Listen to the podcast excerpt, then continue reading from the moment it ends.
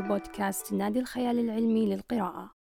في هذا البودكاست نحاول أن نناقش المواضيع التي تهتم بمجال الخيال العلمي ونحاول دائما أن نضيف في حلقاتنا نقاشات لمواضيع علمية مختلفة يمكن لها أن تثري مخيلة المهتمين بالخيال العلمي.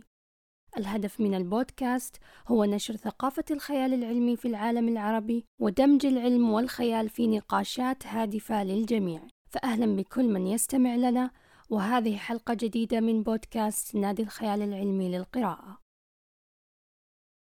ربما تسير اليوم حاملا هاتفك النقال، تتنقل بين التطبيقات والبرامج ومواقع التواصل في دقائق معدودة. يبدو أن الأمر مسلم بالنسبة لك، فلو كنت تريد أن تراسل صديق ما لتدعوه للعشاء، فلن يأخذ الأمر منك سوى بضع ثواني. قد تظن أن الأمر لا يدعو للتعجب، فالجميع يفعل ذلك كل يوم نعم هي أمور جيدة وتدل على تطورنا ولكن ليس هناك ما يبعث على كل هذه الدهشة. فهناك مشاكل أخرى مثل ضعف الاتصال وإمكانية الوصول لشبكة واي فاي. تخيل لو أن احدا أخبرك بإمكانية حدوث هذه الخدمات بداية الألفية. عندما كان لديك جوال كشاف وكاميرا بجودة ضعيفة ولم تجد فيه ما يسليك إلا لعبة الثعبان أو إرسال رسالة نصية بكلفة ريالين ونصف إلى صديقك. لقد قطعت التقنية شوطا طويلا ولكنها في الحقيقة سريع جدا مقارنة بالثورات التقنية السابقة. والآن ماذا لو أخبرتك أن تتخيل المستقبل؟ بجميع هذه التقنيات السريعة التي لا تتوقف كل عام ماذا يمكن أن يحدث لو استمر هذا التسارع في التقدم التقني؟ في الحقيقة لم يغب هذا التصور عن التكنولوجيين ففي عام 1993 قام فيرنر فينغ بالترويج لمصطلح التفرد التكنولوجي في مقالته التفرد التكنولوجي القادم في المستقبل ومن بعدها انطلقت فرضيات عدة مفادها أن التفرد التقني قادم لا محالة وأن عصر تفجر الاختراعات والذكاء سيحمل معه الكثير من التغيرات للحضارة البشرية فماذا يعني التفرد التكنولوجي؟ ومن أين نشأت هذه الفرضية؟ في الحقيقة الموضوع متشعب جدا لذلك سنقوم بمناقشته على أجزاء. وفي هذه الحلقة سنحاول الإجابة عن الأسئلة المطروحة سابقا فقط. قبل أن ندخل في نقاش حول معنى المصطلح أو الفرضية علينا أولا أن نشرح قانون مهم لفهم نشوء مثل هذه الفرضية. تنبأ جوردن مور أحد مؤسسي إنتل في عام 1965 بأن الترانزستورات المدمجة Integrated Circuits ستكون هي الطريق لأجهزة تكنولوجية رخيصة. لاحظ مور أن عدد الترانزستورات على شريحة المعالج يتضاعف تقريبا كل عامين في حين ينخفض سعر الشريحة. هذا يعني أن قوة الشريحة تتضاعف كل سنتين ومعها ينخفض سعرها. استنتج مور أنه كلما تقدم الأداء الحاسوبي كلما زادت فائدته وكلما زادت فائدته أصبح مستهلك من قبل الكثير وكلما استهلك من قبل معظم الناس فإن تكلفته ستكون مناسبة.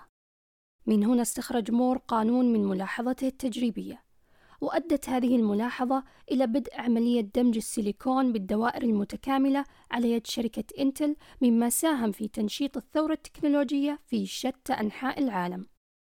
قانون مور هو ملاحظة وإسقاط لاتجاه تاريخي وليس قانون فيزيائي هو علاقة تجريبية مرتبطة بالمكاسب من الخبرة في الإنتاج. ببساطة ما يعنيه قانون مور هو أن قوة الحواسيب ستتضاعف كل سنتين وبذلك فإنها ستكون أصغر وأسرع وأرخص. سيؤدي ذلك إلى اختراعات عديدة وستكون في متناول الناس مثل الحواسيب المنزلية الساعات الذكية وأجهزة نقالة شخصية للتواصل الهاتف الذكي المحمول. لك أن تجمع صور الهواتف المحمولة منذ بداية ظهورها وحتى يومنا هذا لترى سلسلة التطور السريعة في هذه الأجهزة. وكيف أن تكلفتها قلت وأصبحت متوفرة لدى الأغلبية. من قانون مور تنبأ العاملين والمهتمين في المجال التكنولوجي أن التكنولوجيا ستتقدم بشكل سريع جدا وقانون مور هو الدليل الجازم على ذلك.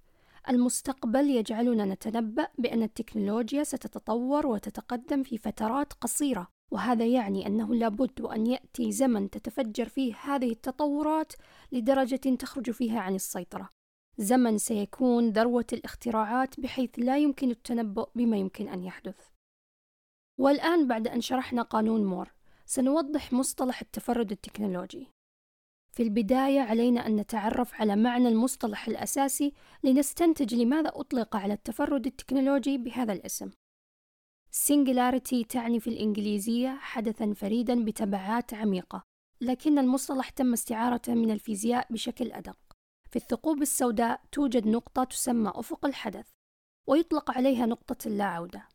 وفيها تكون قوة الجاذبية قوية جدا لدرجة أن أي شيء يتجه نحوها لا يمكن لها أن يخرج أبدا حتى لو كان هذا الشيء هو الضوء ووفقا للنسبية العامة في نقطة ما بعد أفق الحدث تتوقف الفيزياء عن العمل وتخرج عن السيطرة حسب ما لدينا من معلومات عن الثقوب السوداء فإن مركز الثقب الأسود تكون الجاذبية والكثافة فيه كبيرة بلا حدود. يطلق على هذه النقطة جاذبية متفردة.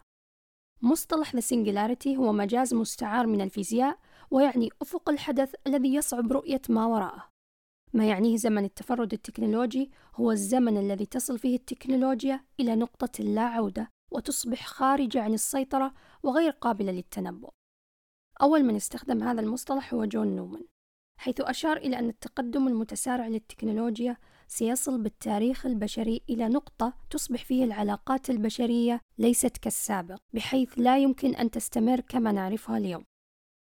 هناك من يقول أن زمن التفرد التكنولوجي قد يعني نهاية البشر وهناك من يعارض هذا الرأي. ولكن وعلى الرغم من أن زمن التفرد التكنولوجي غير قابل للتنبؤ إلا أن هناك العديد من العلماء والعاملين في التكنولوجيا والمفكرين يبنون فرضيات على ما يمكن أن يكون عليه هذا الزمن هل ستتحول حياتنا إلى يوتوبيا أم ديستوبيا؟ هل سنفقد السيطرة على الكوكب وندمر عالمنا؟ هل ستكون التكنولوجيا رفيقة لنا أم أننا سنكون مسيرين من قبلها؟ سنجيب عن هذه الأسئلة وأكثر في الحلقة القادمة بإذن الله. للإطلاع على شرح مبسط وممتع عن الفرضية يمكنكم مشاهدة قناة Up and Atom على اليوتيوب مقطع What is Singularity Exactly